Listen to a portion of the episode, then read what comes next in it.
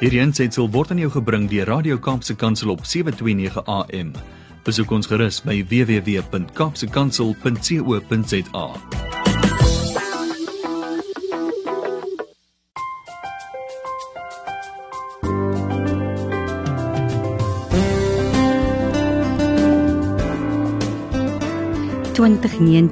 se matriekuitslae. Dit is waarvoor ons almal gewag het.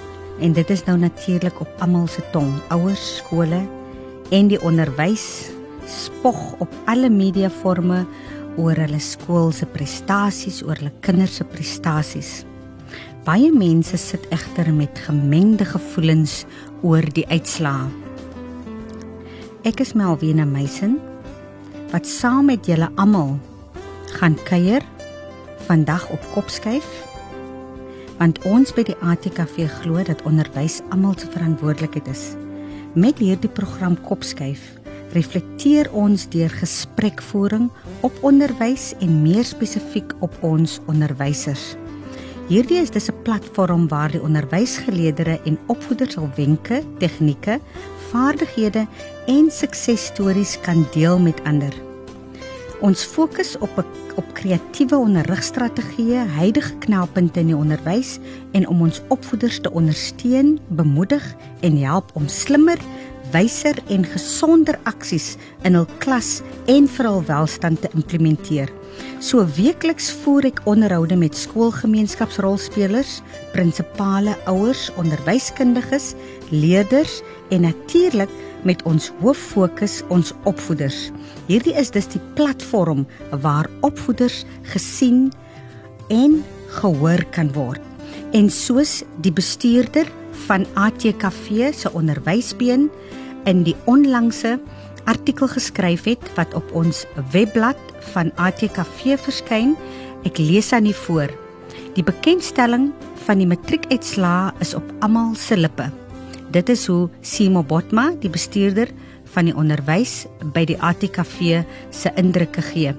Vir die eerste keer in baie jare is die slaagsyfer meer as 80%. Simo sê dat talle matrikulante van 2019 wat die 6ste koord van die CAPS geskryf het, CAPS, het die laaste paar dae in spanning vir hul matriekuitslae gewag.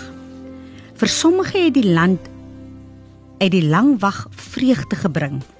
Die ATKV wil skole, leerders, ouers en onderwysers gelukwens met hul suksesvolle kandidaate se besonderse prestasie. Die gemiddelde slaagpersentasie van 81.3% is 'n verbetering op die slaagpersentasie van 78% in 2018. Simo sê ook dat diegene wat nie die paal gehaal het nie, moet egter nie in sak en as gaan sit nie. Daar is nog geleenthede in 2020 om die matriekeksamen te skryf. Volgens hom is dit tans die enigste barometer vir suksesvolle skoolprestasie. Dit is nou die matriekuitslae wat jaarliks bekend gemaak word. Hy sê ook 'n meer betroubare metingsinstrument behoort egter te wees om deurlopende verslag oor al die fases in die skoolstelsels te kan doen. Hy sê jaarliks is die bevinding dat meer as 'n half miljoen leerders gedurende die 12 jaar van skool gaan uitsak. Die onderprestasie van sommige leerders is 'n groot kopseer vir talle gemeenskap en onderwyskenners. Onderwysowerhede en skoolgemeenskappe moet saamwerk en in 2020 aandag aan die volgende gee. En volgens Simo Botma, die bestuurder by onderwys by ATKV, doen hy die volgende voorstelle: Die vermindering van die aantal leerders in 'n klas laat leerders meer in die vroeë fase van skoolonderrig meer speel. Groter ondersteuning moet daar gegee word vir onderwysers wat onder moeilike omstandighede onderrig gee en ook om toe te sien dat onderwerpe in die leerplan vir die ouderdomsgroep toepaslik is. En hy moedig ook ouer betrokkenheid aan. 100% ouer betrokkenheid. Opvoeding buite die skoolterrein om vir lewe leerders lewensvaardighede ook aan aan te leer. En hy sluit af sy artikel met of sy berig met die onderwysersberoep is een van die uitdagendste in die huidige tydsgewrig en skoolgemeenskappe moet saamwerk om die droom van alle kinders te verwesenlik.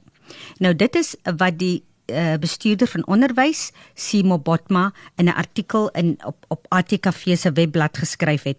Vandag in die studio met my het ek vir Dani van Wyk, 'n baie bekende in onderwysgeleerdere.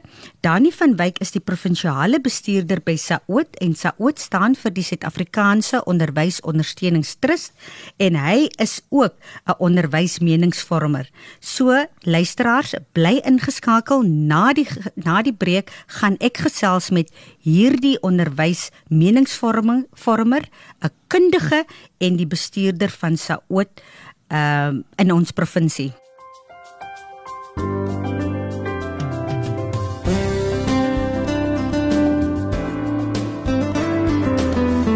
Welkom terug luisteraars. Jy kuier met my Melvina Meisen op Kopskyf. Dit is 729 AM waar ek elke Saterdag met jou kuier tussen 4 en 5. By my in die studio vandag is Dani van Wyk. Hy is die bestuurder van SAOT, dis die Suid-Afrikaanse Ondersteuningsonderwys Trust en hy is ook 'n meningsvormer en 'n baie belangrike uh in die onderwyskringe en bekende in die onderwyskringe. Dani, baie welkom hier by my. Baie dankie Melvina en uh, goeiemiddag aan die luisteraars ook hoor. Ja. Dani, dit is voorreg om jou hier in die, in die in die studio te hê vandag. Ek het nou vroeër gelees wat die bestuurder van onderwys by ATKV sê ten opsigte van ons matriekuitslae. Ek sal graag ook met jou 'n bietjie wil gesels oor ons matriekuitslae wat ehm um, op die 7de vrygestel was deur ons minister van basiese onderwys, Angie Motshega. Maar voor ons, maar voor ons daar kom, kan jy vir ons vertel vir diegene en ek glo daar's baie min mense wat nie weet nie. Wie is Dani van Wyk? Waar kom jy vandaan? Jou storie en hoe het jy in die onderwys opgeëindig en by Saot? Ja, uh, Melvina, ek was gebore by 'n klein dorp in die in die Noord-Kaap provinsie, uh Vryseburg en ek merk ook op vandag dat uh die hoërskool Vryseburg spog met 'n 100% matriek uh, uh, uh, uitslaa en ek wil hulle ook sommer gelukwens daarmee. Mm. Uh so ek kom van 'n suksesvolle dorpie af en daarna het ek groot geword en my hoërskoolopleiding in Oudtshoorn gekry. Mm. Um en college bygewoon en toe my college loopbaan begin um in die 70s in die moeilike 70er jare. Ja, ja. Um daarna het ek by verskeie onderwys skole onderrig gegee. Ek het betrokke geraak in die georganiseerde onderwys. Mm. En uh, het my belangstelling op daai vlak ook gegroei. Mm. Ehm um, ek het soos ek sê later het ek my uh, eh, BA graad deur universiteit van uh, deur Unisa mm. begin en ehm um, later by Universiteit van Wes-Kaapland afgerond. Mm. Ehm um, en toe het ek aan die Stellenbosch Universiteit deeltyds uh, B.Ed gestudeer en toe by Universiteit Kaapstad 'n 'n 'n honeursgraad verwerf in mm. arbeidsreg. So mm. hoekom ek nou arbeidsreg noem is omdat ek uh, betrokke was in die georganiseerde onderwys het ek later uh, voltyds gaan werk in Pretoria mm. by die uh, uh, by die raad van wat die RAFO. Ja. Die ELRC noem hulle dit in mm. Engels. Education Labour Relations Council. Yes en daar het ek baie betrokke geraak ook by die Public Service Coordinating Body mm. Council. So toets ek nou uit die klaskamer situasie maar mm. meer in die georganiseerde onderwys toe beland. Uh tot waar ek nou vandag uh, deel is van FETSAS en die bestuurder is van hulle uitreik aksie hmm. Suid-Afrikaanse onderwys en in die Weskaap. OK, mag ek vra hoe lank is jy nou al by by FETSAS of Saoot? Ek is nou 6 jaar. 6 jaar. 6 jaar weer, ja. Okay. En dan eh, ehm uh, um, wil ek ook graag weet hoeveel jaar ondervinding het jy? Hoe lank kom jou pad al aan as jy nou in jare moet tel? As ek in jare graag die ouderdom weg. Nee, nee, nee, as ek in jare moet tel, ek is omtrent 42 jaar in die onderwys. Jo, ja, so jy mm. jy het regtig 'n uh, ja. baie goeie insig. Die 42 jaar moet ek natuurlik sê, maar jy nou op opbreek in ja. in die klaskamer 'n uh, onderwyser in die klaskamer, 'n mm. prinsipaal mm. uh, en natuurlik ook daarna die georganiseerde onderwys. Nou dit is waarvan ek hou en ek lyk om altyd gaste soos soos jou by my te hê omdat julle is mense wat wat praat uit ervaring uit uit ken uit uit uit kennis uit. Jy het die nodige kennis, jy het die nodige ervaring, jy het ondervinding. So wanneer jy opinies lig of jy kommentaar gee, dan is dit gebaseer op dit wat jy jou pad wat jy al mee kom en die feit dat jy onderwys gestudeer het en jy was self onderwyser, jy was 'n prinsipaal, jy het in die georganiseerde onderwys, so jy het 'n baie goeie geheel beeld van wat werklik die uitdagings in ons land is. Dan 'n bietjie waar woon jy nou en wat waarmee hou jy besig in die vrye tyd buiten werk? Ehm um, ek woon uh, nie ver hier vandaan nie in 'n mm. Klein dorpie. Mm. Die naam van Kelsrivier. Mm. en dan ook geweldig baie van reis Melvina. Ek ja. ek dink hoe so so mense so lewe uh uh uh uh uh hoe kan ek dit stel? Ehm um, verryk. Jy verryk jou lewe deur te sien wat in ander lande ingaan en met mense te gesels ja. in verskillende wêrelddele. En op die wyse kan dit wat jy daar leer kan jy ook kom toepas hier. Hmm. En so verryk jy jou jou jou lewe en hoe jy ander ook kan verryk as gevolg van jou blootstelling. Uh op op daai op op daai vlak of wyse. So ja, ek hou baie van reis hmm. en uh verder ook meer op my reis maar besig met lees en skryf en dis meer. Hmm. En en wat waar was die laaste reis of tog na heen en wanneer pas, was dit? Ek het pas teruggekeer van af ehm um, Singapore, Kambodja hmm. en Vietnam.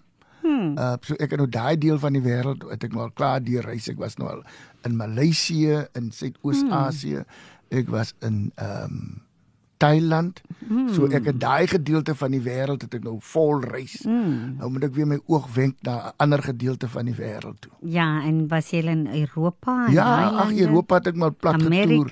Ek was in Suid-Amerika, was ook in Noord-Amerika. Ja. Dit is my ja, ander ja, mikpunt ja. nog. En dan in in Afrika self? In Afrika was ek al redelik goed getoer. Ehm um, ek gaan nou Junie maand na 'n vriend van my hy werk in Ivoorkus, mm. dan wil ek 'n bietjie daai lande daar rondom mm. aan hy lande grens almal aan mekaar. Ja, ja. So dan wil ek daar by hulle ook 'n bietjie ja, loop. Mm. Dis wonderlik. En dan wat ek ook net graag, ek weet jy gaan op vakansie, maar kon jy al ooit met mense ook wat in die onderwys is in die onderskeie lande gesels ooit en wat is jou indruk as jy vergelyk ons stelsel in Suid-Afrika of hoe ons vaar in die onderwys ten opsigte van die lande waar jy al gereis het? Ja, nee, as ek byvoorbeeld 'n voorbeeld moet ek was nou in Vietnam, ek het daar by skool ingestap en daar met die mense gesels. Mm.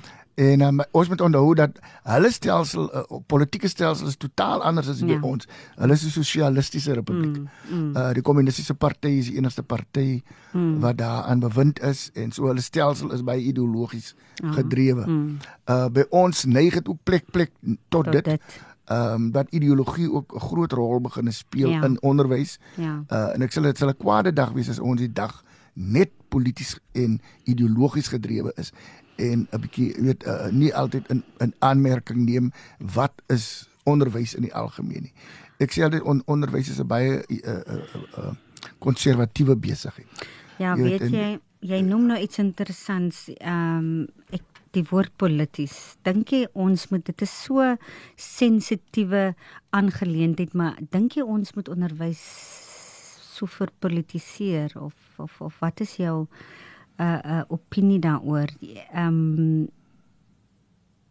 Ja, nee, ek ek wil nou nie op, op, op opinie op op op, mm. op op 'n politieke standpunt hier op mm. hierdie lig op op hierdie forum lig nie. Mm. Al wat ek net kan sê ons moet na teen waak ja. dat ons nie ook ons onderwysstelsel so ideologies dryf mm. en verpolitiseer ja. dat ons aan die einde van die dag uiteindelik vervlak nie.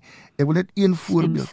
Ek wil net ja. een voorbeeld noem as ek mag. Ja. Uh destyds in Rusland ja. met die oorneem van die ehm uh, die uh kommunistiese party en met die ehm uh, die die, die kommunistiese party aan bewind gekom het en hulle weggedoen het met die Shah. Mm. Wat die, mm. wat destyds maar nou die koning van ja, Rusland was. Ja. En die heel eerste ding wat die nuwe Russiese onderwysdepartement gedoen het mm. was om alle elemente van onderwys wat deur die Shah daar gestel was mm. van die tafel af te vee en 'n mm. nuwe stelsel op die tafel te plaas. Mm. En toe word onderwys ideologies gedrewe. Wat daarna gebeur het, hulle sê omtrent 12 jaar daarna, mm. was baie van die mense in Rusland en ek byna amper analfabete. Hulle kon nie reg lees nie, hulle kon nie reg skryf nie. Mm. Ek sien daai tekens hier by ons ook ja. dat leerders kan nie ja. lees en skryf nie. Ja.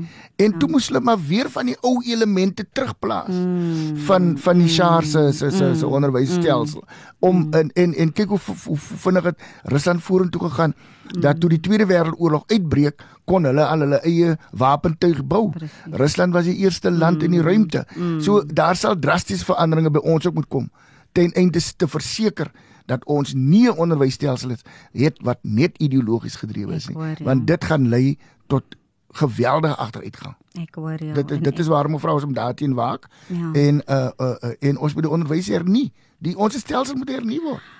Ek hoor jou, maar weet jy, ehm um, soms as ek kyk of bestudeer wat aangaan in ons onderwys, dink jy of wonder jy as ek nou ook luister na wat Eco Education gesê het gister, het hulle geskryf dat ehm um, in Engels, as ek dit nou in Engels kan lees, the matric pass rate may rise But school systems is not healthy. That is what Equal Education said. We need quality education in foundation, foundation phase to avoid dropouts in the system. Nou um uh, um hoe gaan ons want vir my die indruk wat ek kry is dat dat ons uh onderwysstelsel probeer om die ongelykhede te elimineer in die onderwys maar dink jy of voel jy dat ons is besig om op die regte manier dit te doen? Of of of of of kom dit ook van dit dit blyk dat iewers werk iets nie. Alhoewel uh, um jy kry uh, dat die kinders wat wat uitsonderlik presteer wat fenomenaal presteer maar dan kry jy ook die absolute groot uitsaksyfer hoe gaan ons die twee bymekaar bring? En is dit nie die rede waarom ons um departement van onderwys in ons land uh uh hierdie wending aanneem wat hulle tans doen om die ongelykhede te elimineer. Wat hoe gaan ons die ongelykhede kan elimineer, Ja, Dani? um, um, ons leef in 'n land met geweldige ongelykhede. Mm. Hulle sê Suid-Afrika is die land met die grootste on ongelykhede tussen die wat het Mm, en die wat nie nie het nie. So ehm um, ons sal op een of ander wyse dit moet aanspreek. Ons sal met meer bronne beskikbaar stel Mm. in die minder gegoede of die uh, uh histories uh agtergeblewe gemeenskappe of Mm. skole wat daar gelees, groter bronne daar beskikbaar stel om daai mense geleidelik ook op die hoogte te kry van Mm. waar skole in die ander gemeenskappe is. Mm. Ehm um, so dit is is is 'n nalatenskap van apartheid wat sal aangespreek moet word. Mm. Baie van die skole was net so was ernstig vir nalatig Mm. deur 'n ook deur 'n po- politieke stelsel Ja. wat gelei Ja. het tot waar ons vandag sit. Ja. Daarom voel ek sterk dat 'n 'n 'n politieke stelsel moenie die oorsaak wees jou. wat onderwys so benadeel is dat dit dat die ongelykhede wat daar tans is selfs groter word nie. Mm. Vir my ten opsigte as ek net iets mag sê oor die Ja. matriekuitslae. Ja. Ons gaan nog daarby uitkom. Meneer, meneer ons sal daarby uitkom.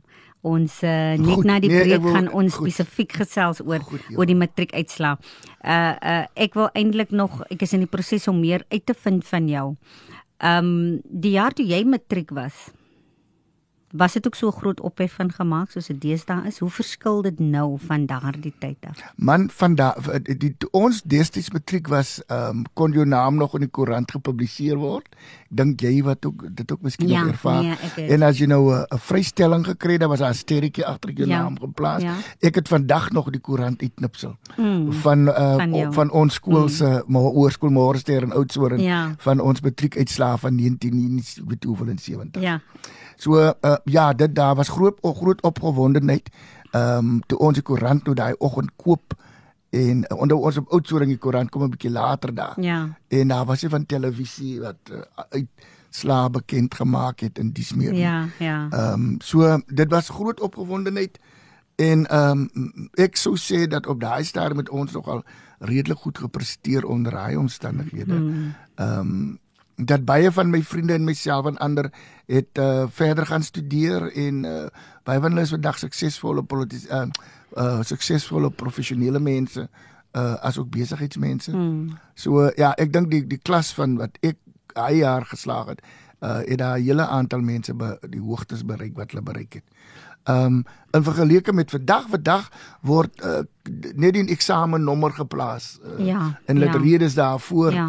Ehm um, ek het natuurlik my standpunte rondom dit ook. Mm.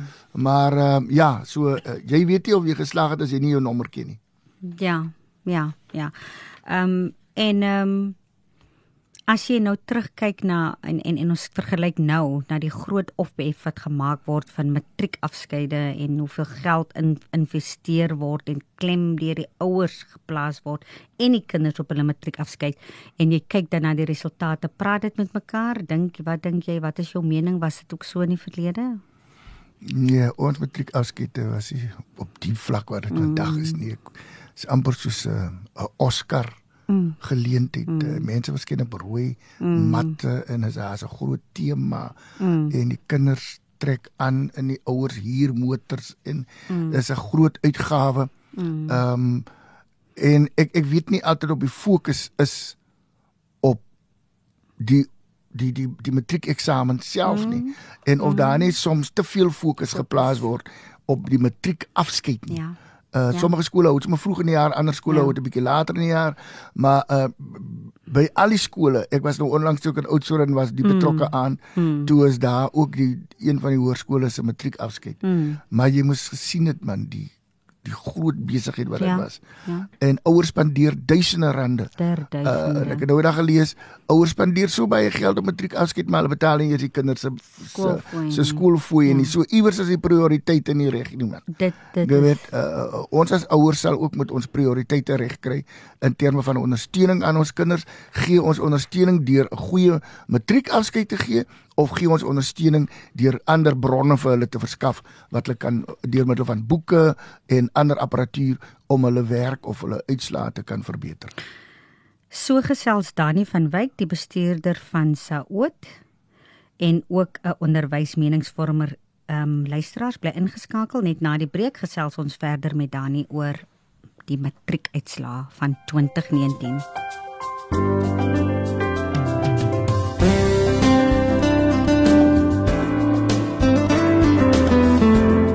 Welkom terug luisteraars waar ek Malwena Meisen op kopskuif gesels met uh, Dani van Wyk.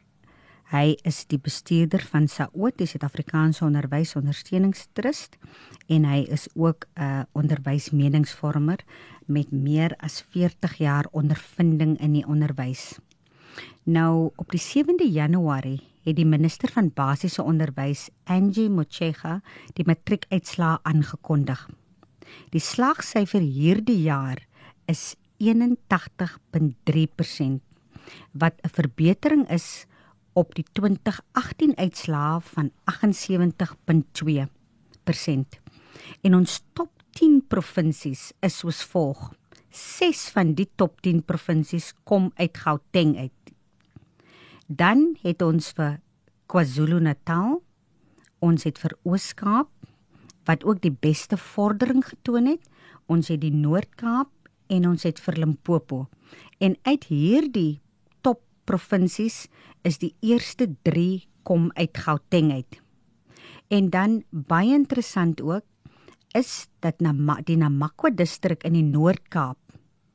Dit is nou die Springbok omgewing het die 5de beste dis was die 5de beste distrik in die land met 76.5% wat 'n uh, 'n baie goeie nuus is. So ook die verbetering van die Ooskaap dink ek ook is prysenswaardig. Dan het ons ons eerste nommer 1 matrikulant.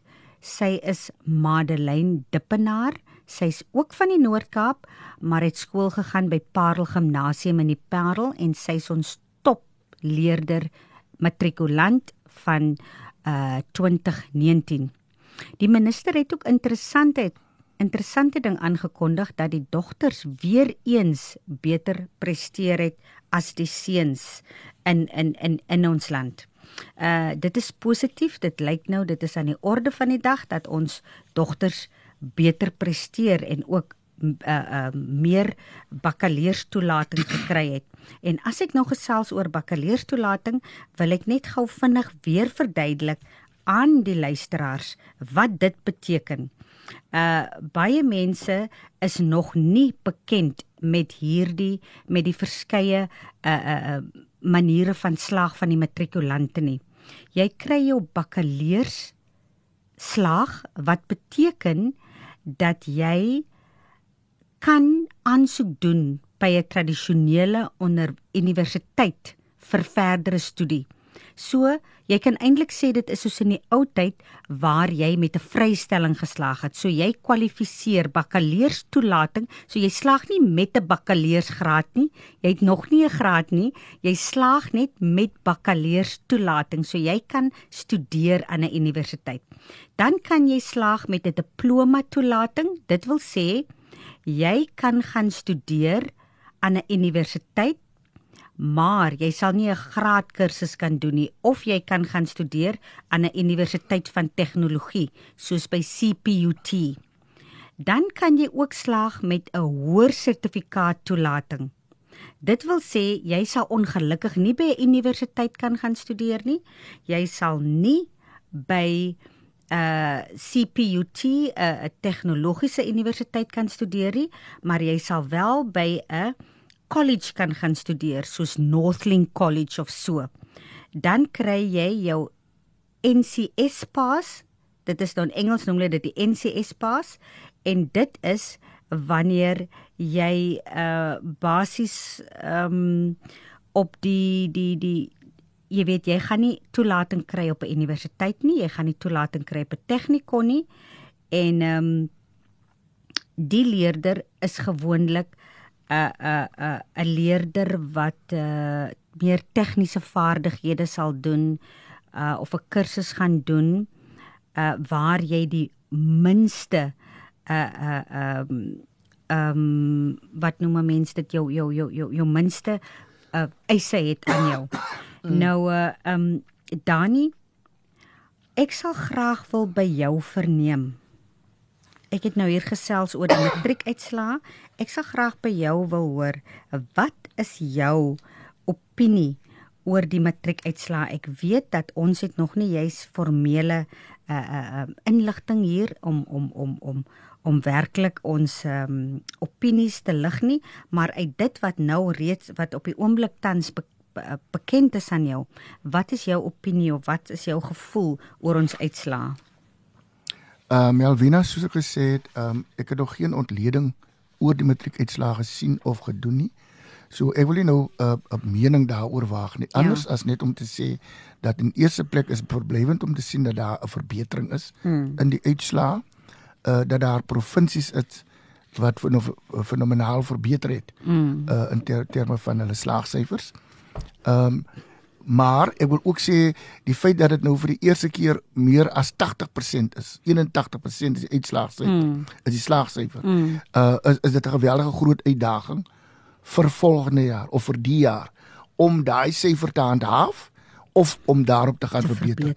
Ehm um, So dis die eerste groot uitdaging. Uh die tweede ene is hoe gaan ons die die provinsies wat nie so goed gevaar het of wat uh, uh minder goed gevaar het. Mm. Uh hoe gaan ons hulle aanhelp om ook op die vlak te kom van 'n 80% plus? Mm. Soos jy sal merk die eerste 4 uh provinsies is almal uh oor die 80%. Ja. Ehm um, ja. en dan daarna kom hulle nou na die 70s. Eintlik die eerste 6 is Die eerste 6 ja. ja. Nou anders as byvoorbeeld nou KwaZulu-Natal mm. en uh die ehm um, die Oos-Kaap en ek dink Noord-Kaap. Ja, ons laaste 3 is is is die Limpopo provinsie met 73.2. Ja. Dan het ons die Noord-Kaap met 76.5 en ons het Oos-Kaap met 76.5. Ja, so ja. daai is die enigste 3 uh, provinsies wat dan uh, mm. minder as 80% mm. uh, uh, behaal het. En die uitdaging sal dus wees die tweede uitdaging om daai 3 provinsies mm. ook op 80 plus persent te kry. Mm. En dan natuurlik ook so hulle ook op op daai vlak kom mm. dat die die die die slaagpersentasie van 80% plus mm. dan op daai wyse handhaaf kan word mm. uh, uh uh die nasionale uitslag. Mm. Mm. Uh, maar uh, uh sou daar nou 'n uh, verswakking wees in die in die in die ehm um, in die slaagsyfers ja. sal dit nog al 'n uh, sal dit nog al 'n bietjie teleurstelling wees. Wat is wat is jou opinie rondom baie mense kyk kyk uh, jy tel dit op hulle kyk na die uitslae en hulle sê ja, die uitslae is goed, maar uh neem ons in ag die die die die uitslagsyfer. Wat is jou mening en gevoel oor die uitslagsyfer as jy kyk leerders wat in graad 1 begin en die hoeveelheid wat klaar maak in matriek? Ja, as jy dit in ag neem dan ehm um, dan lyk die slaagsyfer eintlik nie so goed nie as jy nou die neem die getal leerders wat ek dink 2008 mm. begin het uh, in in in hulle laerskool en dan dan daarvanaf deurgekom het na na die matriekeksamen. Mm. Dit is 'n geweldige groot uitvalkoers. Nou as jy daai koers neem en jy doen 'n vergelyking, dan is die slaagpersentasie die reële slaagpersentasie mm. van die matriekeksamen mm. eintlik iets soos 243%. Ja. Ja. So om daai aantal leerders wat uitsak of ja. oh, nie uitsak nie. Ehm um, verlore raak wat verlore raak in die ja. stelsel ja. om hulle langer in die stelsel te mm. te gaan behou mm. is 'n ander groot uitdaging. Mm. Mm. Uh ek dink van die provinsies met die hoogste uh uh uh, uh persentasie of wat wat wat wat wat uh, nie uit sê maar nou die nie uitsak Re, ja, retensie retensie syfer ja. is die Weskaap. Hmm. Dis baie interessant. Hmm. Die Weskaap het die het die het, het, het, het retensie syfer ja. is is is redelik hoog. Ehm um, So is is is is is eintlik maklik om te kan sê dat uh, byvoorbeeld Gauteng is of Vrystaat is 'n topprovinsie, mm. uh, maar as jy in ag neem hoeveel van hulle leerders ja. het intussen uitgesak om ja. uiteindelik 'n minder aantal te hê wat die matriekeksamen ja. aflê wat dit eintlik 'n groter geleentheid bied mm. om om om om 'n topprovinsie te wees mm. in terme van die van die uitslag uh, of in terme van die uitslag, maar as jy in ag neem die retensie of die nie retensie syfer, dan sal dit 'n totaal ander prentjie gee in terme van wat die reële uitslag van die uh, matriekeksamens is. Ja. Dan 'n volgende vraag wat ek jou wil vra rondom die matriek af uitslaa die IEB dit is nou die Independent Examination Board dit is nou jou privaat skole hulle slaagsyfer was 98.8% nê nee? En uh, volgens hulle uh, die die hoof van die IEB, dit is Ann Oberholzer, het hulle 'n afname gehad vanaf 9 vanaf 98.8 in in hierdie jaar en dit was die vorige jaar, dit is in 2018 was dit 98.92. So dit het met uh sê maar met 1 0,1% afgekom. Waarin dink jy sal kan 'n mens dit toeskryf of of uh, want die, as jy kyk na die privaat skole en jy vergelyk hulle met ons publieke skole en uh, jy weet hulle hulpbronne en en die hoeveelheid leerders wat in 'n klas het ehm um, sal ons nie verwag dat dit dat dit iets onwaarskynliks moet wees om te gebeur by hulle nie. Waaraan kan 'n mens dit toeskryf? Is moeilik om te sê uh waarom hulle uh matriekslaagsyfer mm. gedaal het. Uh, maar verskeie faktore wie so mm. daar 'n rol gespeel het.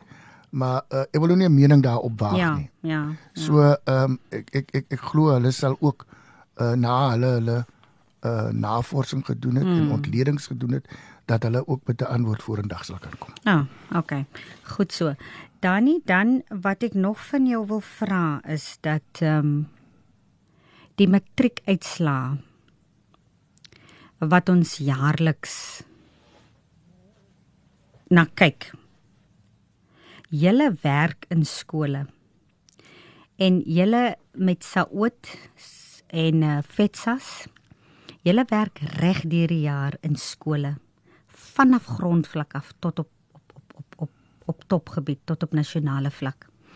Uh as jy kyk in skole wat gebeur in skole? Jy beweeg in verskeie skole in jou privaat skole, jy beweeg in jou ehm um, publieke skole, jy beweeg in jou Expedal C skool. As jy kyk na die skole en jy kyk na die uitslaa van ons publieke skole en ons van die onafhanklike skole, praat die matriekuitslaa met wat jy sien in skole. Praat dit met mekaar. Uh bedoel jy nou uh matriekuitslaa van skole vis-à-vis staatskole ja. of op op ja. uh, uh, uh, nie staatskole nie openbare skole. Ja, openbare publieke skole. Uh man in die eerste plek met ons moet ek dit sê dat uh jy kry disfunksionele en funksionele skole mm. in die mm. stelsel. Mm. Um funksionele skole is ongeveer 25% van alle skole in in die land is funksioneel. Mm. Anderswoorde ons sit met 'n situasie waar 75% van die skole mm. is disfunksionele skole mm. en dit dit, dit dit dit is 'n groot faktor wat 'n rol speel mm. uiteindelik in in die uitslaa. Mm. Ehm mm. um, en en en 'n ander probleem wat ons ook in skole ervaar is is die gewelddadigheid in skole. Mm. Ehm um, mm. leerders het skry soms kry ons die indruk dat leerders het geen respek vir hulle mm. medeleerders of vir hulle onderwysers nie. Mm. Uh onderwysers is selfs bang om in sekere skole in te gaan mm. as gevolg van die gewelddadigheid. Nie net dit mm. lyk soms as we gewelddadigheid in die in die uh, in die gemeenskappe mm. oorspoel in die skole wat mm. natuurlik ook uiteindelik 'n effek het op op uh, uh, die uitslae. So jy die baie van hierdie privaat skole of dan nou ehm um, uh die vo voormalige model C skole mm. is geleë in in gegoede woonbuurte mm. wat uit die aard van die saak baie 'n groot rol speel mm. uh uh, uh in die uiteindelike uitslae van skole anders as 'n skool waar die kinders in Delft of in Wesbank met koeskoes mm. loop om by die mm. skool bedags uit. So daai is aspekte wat 'n mens mm. in ag moet neem. Ons kan nie sommer almal net self oor dieselfde kam skeer nie. Ja. Maar uh dit het definitief 'n 'n 'n effek op op die uiteindelike uitslagkoers. Ja, definitief. Want as jy ook kyk, nê, nee, as ek kyk na die die die onafhanklike uh eksamens van jou privaat van jou privaat skole is dat hulle het 'n ongelooflike getal uh bakkaleuerstoelating gekry op die ehm um, 89.51%. Dit wil sê feitelik 100% van die kinders in privaat skole het bakkaleuerstoelating gekry wat natuurlik beteken hulle is verseker van uh, uh, um, toegang tot 'n universiteit en selfs verseker tot toegang tot tot beurse wat beskikbaar is. Um, ek sal graag met jou na die breek verder wil gesels oor um, wat wat sal jy dus aanbeveel vir ons leerders in die publieke stelsel om daai om daai gaping nouer te maak en om te verseker dat hulle ook met die nodige 'n uh, 'n uh, bakkaleuerstoelating kan slaag of toegang het tot tersiêre inrigtinge of tot beurse. Ons luisteraars, ons gesels net na die breek verder met Dani van Wyk wat die bestuurder is van Saot. Uh en hulle werk ook saam met Vetsas en hy's 'n onderwysmeningsvormer met 42 jaar ondervinding in die onderwys. Bly ingeskakel op 729 AM.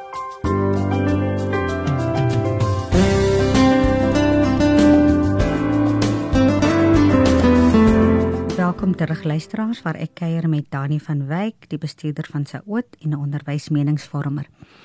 Um ek het dan om 'n vraag vroeër gevra dat jy weet ons sien as jy vergelyk en dit is vrae wat mense daar buite vra as jy vergelyk die uitslaa van ons kinders wat uit publieke skole uitkom en jy vergelyk dit met Exmodel C skole en en en jou privaat skole kry jy dat soos in die die die privaat skole is daar amper 90% van die leerders soos is eintlik 89.51% van die leerders in privaat skole het met bakkaleuerstoelating geslaag. So dit is 'n verseker 'n versekering dat hulle gaan inkom by 'n universiteit. Uh en dan kry jy nou weer die gevalle waar kinders in publieke skole dis baie minder en jy kry net weer dat die siklus herhaal hom net weer dat jou armer kind uh altyd in die agterte speen suig. Die die die die goeie presteerders nou uitgesluit want jy kry nou die kinders wat uitsonderlik uitstyg in on, in hulle omstandighede. Hoe kan ons dit omkeer? Ek weet dit is 'n baie wye vraag dit is 'n baie groot vraag maar hoe kan ons dit omkeer om te verseker dat daar meer gelykheid is en dat ons leerders in publieke skole ook die gelyke geleentheid sal kry want dit is definitief niks te doen verkeerd met die intelligensie van kinders in ons publieke skole nie. Ons moet onthou dat die klaskamergetalle of die klasgetalle in mm. in privaat skole en in baie model vorige model C skole is baie kleiner. Uh dit maak 'n baie groot verskil waar jy in 'n gewone openbare skool in 'n township met tot 60 leerders in 'n klas sit jy moontlik in 'n privaat skool met 20. Mm -hmm. So dit op sigself gee aan die onderwyser meer tyd mm. om individuele aandag aan leerders te gee wat nie in ons in die openbare skole uh, moontlik is nie. Mm. So dit op sigself het het 'n groot effek of 'n uh, uh, op die uiteindelike uitslag. So ons kan nie dit vergelyk nie. Hmm. Of die staat sal moet groter bronne insit hmm. in die uh, openbare skoolstelsel om meer onderwysers aan te stel Ja. uh, sodat daar kleiner klasse kan wees, sodat daar meer aandag individueel gegee kan word aan kinders of aan leerders. Dit sal die oplossing wees. Maar ons sien wat gebeur is dat daar is geweldige tekorte aan onderwysers in die openbare stelsel. Ehm um, dit wil voorkom as by universiteite nie genoeg onderwysers lewer om die tekorte aan te vul nie. Uh ek dink na my eie mening ja, maar die sluiting van die onderwyskolleges was 'n groot ramp.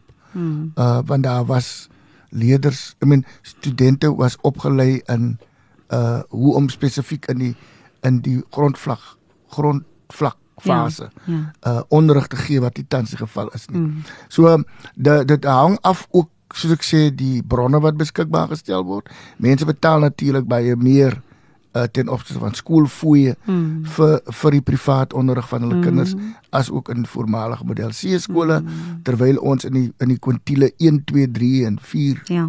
uh skole in ons gemeenskappe het baie van die ouers geld om hulle kinders te Ja. onderhou op skool nie. So is 'n ek- sosio-ekonomiese aspek wat iewers aangespreek moet word. Ja, dan wil ek ook vir jou vra. Ehm um, ja, so dit kom daarop te neer dis sosio-ekonomiese redes wat wat 'n groot rol speel by kinders se uitslae, maar jy kry wel daai kind wat so gedetermin, gedetermineerd is. Ek het nou vanoggend gekyk. Weer eens het ek iets gelees van 'n seun wat alleen gewoon het in 'n squatterkamp in Gauteng en en absoluut top uitslae gehad het. Ek wil vir jou graag vra baie van ons uitdagings in skole en wat onderwysers oor kla is dat leerders kan nie lees nie en as jy nie kan lees nie, kan jy nie leer nie. Wat is jou wat is jou gevoel of jou mening oor jou onderrigtaal met spesifieke verwysing na moeder moeder uh moedertaalonderrig in skole? Dis 'n internasionaal erkende feit Mm. dat kinders wat in hulle moedertaal onderrig word, Mm. gaan presteer. Ons situasie in Suid-Afrika is ons het verskillende tale hier man. Mm. Nege amptelike tale. Right? En slegs twee van daai tale kan aangewend word uh, as akademiese tale. Dis Engels en o, o, en Afrikaans. Mm. Die res van die tale is nie op daai vlak waar kinders waar uh, studente op universiteit byvoorbeeld 'n teses mm. kan skryf in Xhosa of in Zulu nie. Ehm um, ek sou sê daar selfs ook sal daar groter aandag moet gegee moet word in terme van moedertaalonderrig. Mm. Want jy moet onthou as jy net as, as, ek was onlangs in Vietnam. Daar Ja. praat die mense net Vietnamees. As dit een taal. Hmm. Anders as hier by ons. Hier by ons is daar nege tale. Hmm. Uh waarvan twee eintlik waarvan een eintlik 'n de facto hmm. uh, amptelike taal is en dit is Engels. Mm. Ehm um, so dit dit dit dit kom daarop neer dat indien die ander tale nie ook groter aandag gaan kry, Ja. amptelike tale, wat amptelike tale is, Ja. uh om hulle op 'n vlak te kry waar uh kinders langer in hulle moedertaal onderrig kan kry nie. En nie net tot in graad 4 soos dit tans is nie. Uh dan dan sal ons hy probleem ervaar want die meeste van die kinders wat in Engels studeer is nie Engelssprekendes uit huis nie. Right? Ehm um, dis dis dis uh kinders wat wat wat wat tot op 'n sekere vlak in die skool moet hulle dan nou oorskakel na Engels. Mm. En baie van die onderwysers is nie Engels magtig, mm. so magtig nie. En uh, uh, uh, uh, uh en dit het am alles 'n effek op op die op die hoe ons ons kinders uiteindelik gaan onderrig. Ek kan onthou toe ons op skool was hoe jy leer lees het. Mm. Met klanke Mm. Eers klanke en toe later uh, letters en toe mm. later woorde en toe later sinne en toe later paragrawe mm. en dis hoe jy deurgegaan het. Ja. Uh dit ek ek weet nie ek ek ek wil nog eendag vir iemand gaan vra wat leer julle vir die kinders deesdae in die skool? Hoe leer jy 'n kind lees? Mm. Ek sien nie eens meer in klaskamers alfabet die alfabet nie. Mm.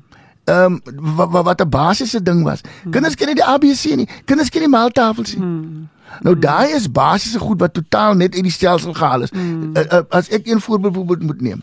Toe ons op skool was, uh, uh, het, het ons gedoen Afrikaans en Nederlands. In feite het 'n Afrikaans gedoen matriek en 'n Nederlandse boek. Mm. Dis afgeskaf. Mm. Uh, ons het moes 'n uh, Shakespearean play doen. Ja. Uh, toe ons matriek was, daai is afgeskaf. Ja. So kinders leer nie meer um, resitasies of voordrag of daai soort van goed. Dit is heeltemal uitgehaal. Hmm. En uh, ek ek, ek glo dit het dit het 'n effek man. Ehm um, ek was onlangs uh, was het ek nogal baie sleg gevoel vir 'n vir 'n 'n uh, leerder, ek dink hy wat graad graad 10 of graad 11 'n mm. uh, uh, uh, ouetjie wat in die kerk uit die Bybel moes lees. Hulle het mm. 'n jeug uh, diens gehad. Maar toe ek hoor hoe hy arme kind sukkel om, om te, te lees, het ek myself gesê nee man.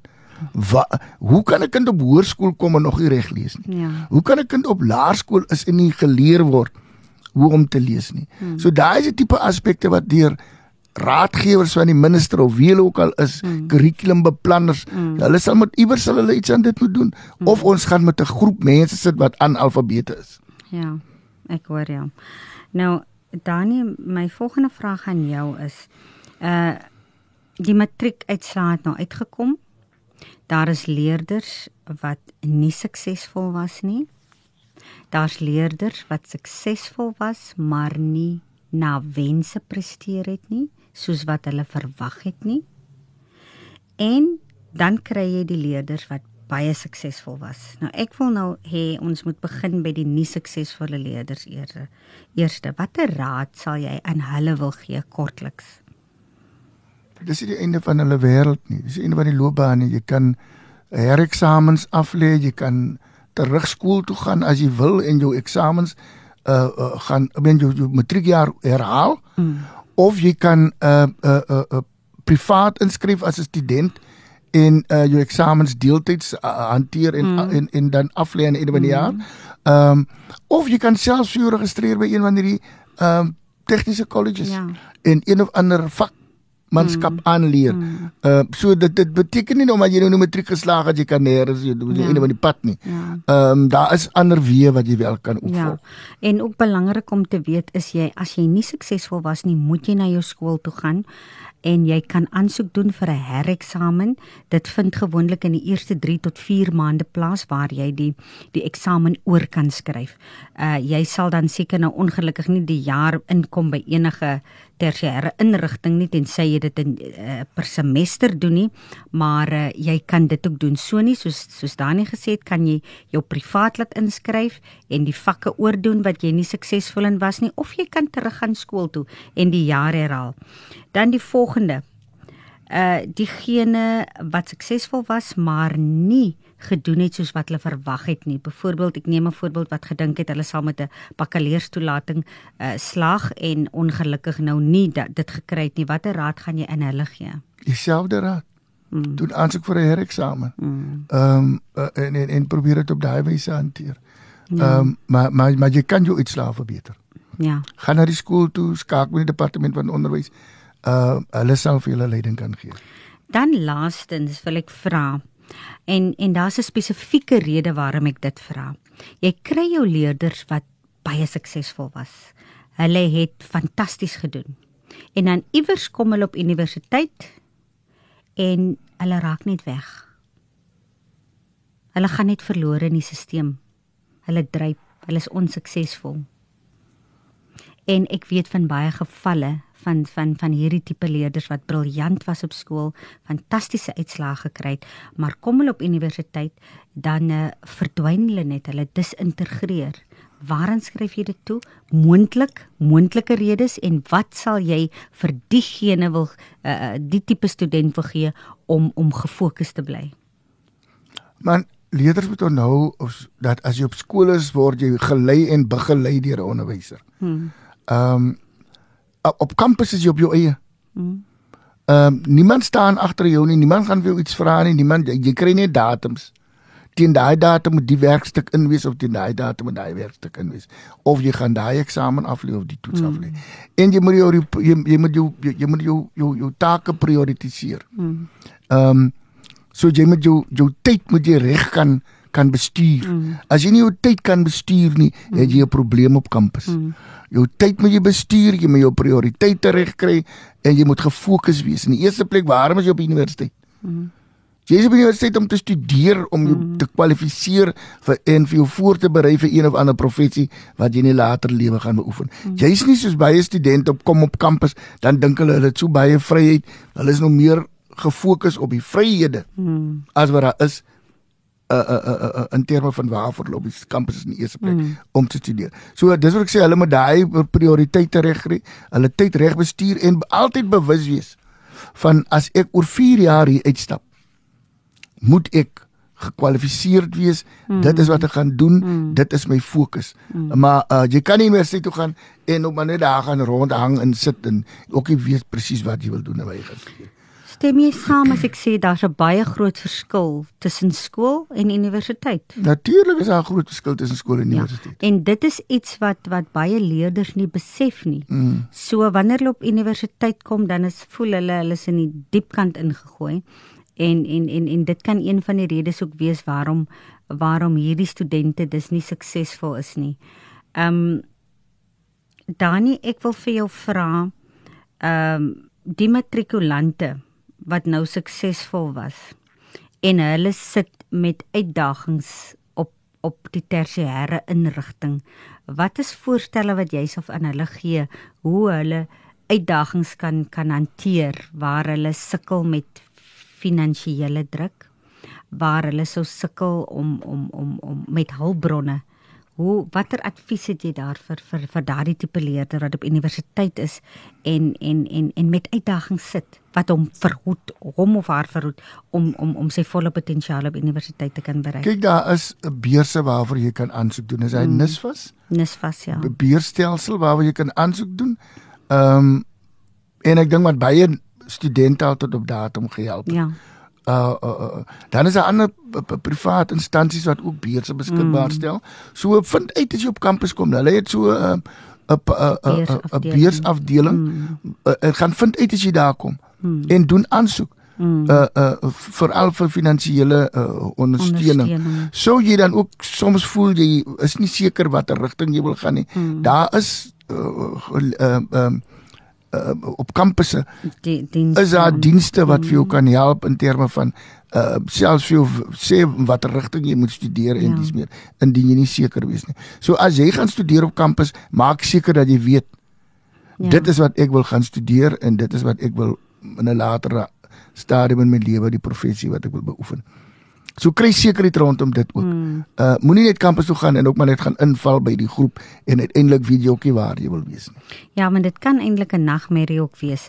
Uh as jy op universiteit kom en dit is 'n totale ander omgewing of enige tersiêre inrigting. Dis 'n totale nuwe omgewing as skool en jy kan verlore raak as jy nie vertroud is met wat aangaan nie. So leerders, matrikulante, ons wil vir julle sê, wees leergierig wees nuuskierig, gaan en en en en en word bekend met wat op die tersiêre inrigtinge aangaan en vra hulp. Hulle het tot klinieke, hulle dokters, hulle raadgewers, sielkundiges en daar's vir al die fasiliteite is op die tersiêre inrigtinge om studente te help met wat ook al al probleme het of dit finansiëel is, gaan hulle vir jou advies gee. As jy sit met emosionele probleme, gaan hulle vir jou advies gee. So wees bewus en ek sal altyd aanbeveel gaan op die webblaaie. Deesdae is alles op die internet. In plaas van om net op die sosiale media te wees, gaan op die webblaaie van die verskillende inrigtinge en kyk wat hulle aanbied, die dienste wat hulle aanbied. En daar is soos Dani ook gesê, daar is verskriklik baie beurse beskikbaar vir leerders en baie keer kry jy aan die einde van die jaar dat daar onopgeëiste beurse is wat beskikbaar gestel word en leerders doen eenvoudig net nie aansoek daarvoor nie. En dan is dit ook baie belangrik leerders dat as jy aansoek doen vir enige beurs Dit maak nie saak of jy die beste uh, um, uitslae het nie. As jy nie voldoen aan die riglyne nie of die verwagtinge nie uh, uh, om uh, vir dit wat hulle vra gaan hulle jou aansoek elimineer. En hier verwys ek nou na gesertifiseerde met 'n uh, rapport of jou matriekuitslae. Gesertifiseer jonk minder as, as 6 maande en uh, oors, jy moet ook 'n uh, gesertifiseerde kopie van jou ID dokument hê. Jy moet bewys hê van jou ouers se se inkomste of salarisse as hulle nie werk nie dat dat hulle werkloos is. Jy moet al die stawende dokumente wat geverlang wat verlang word in die aansoek moet jy hê. Al het jy met 7 A's geslaag, maar jy het nie die die die verlangde dokumente soos versoek word nie in jou aansoek nie, gaan hulle jou outomaties elimineer.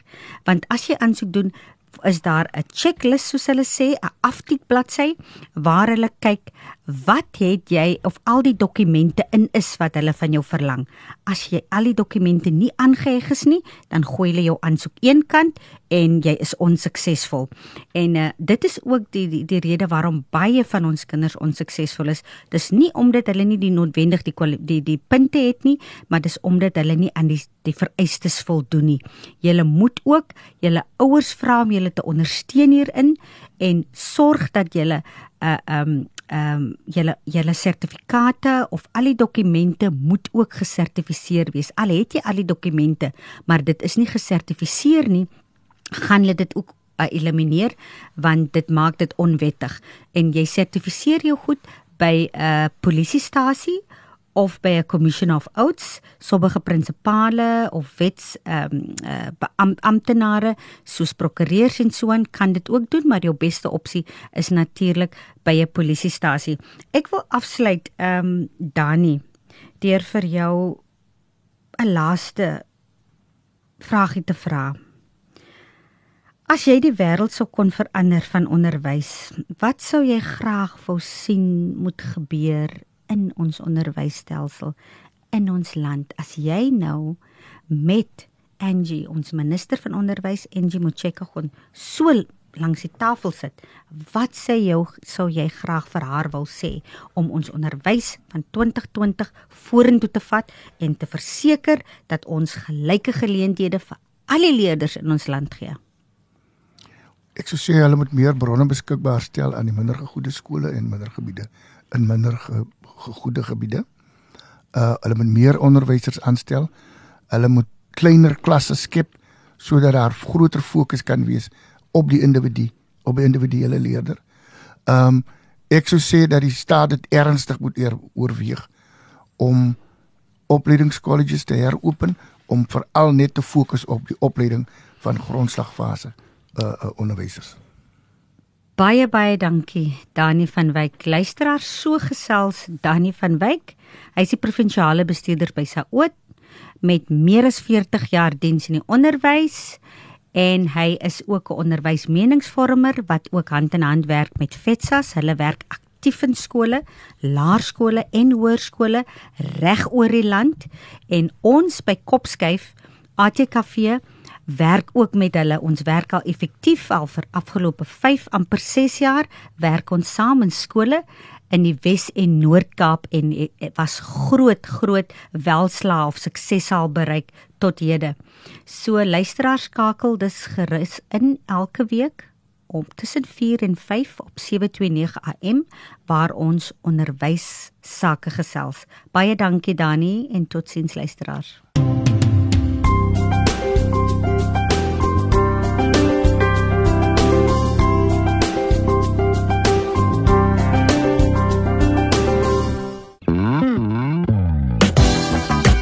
Hierdie ensetsel is aan jou gebring deur Radio Kaapse Kansel op 729 AM.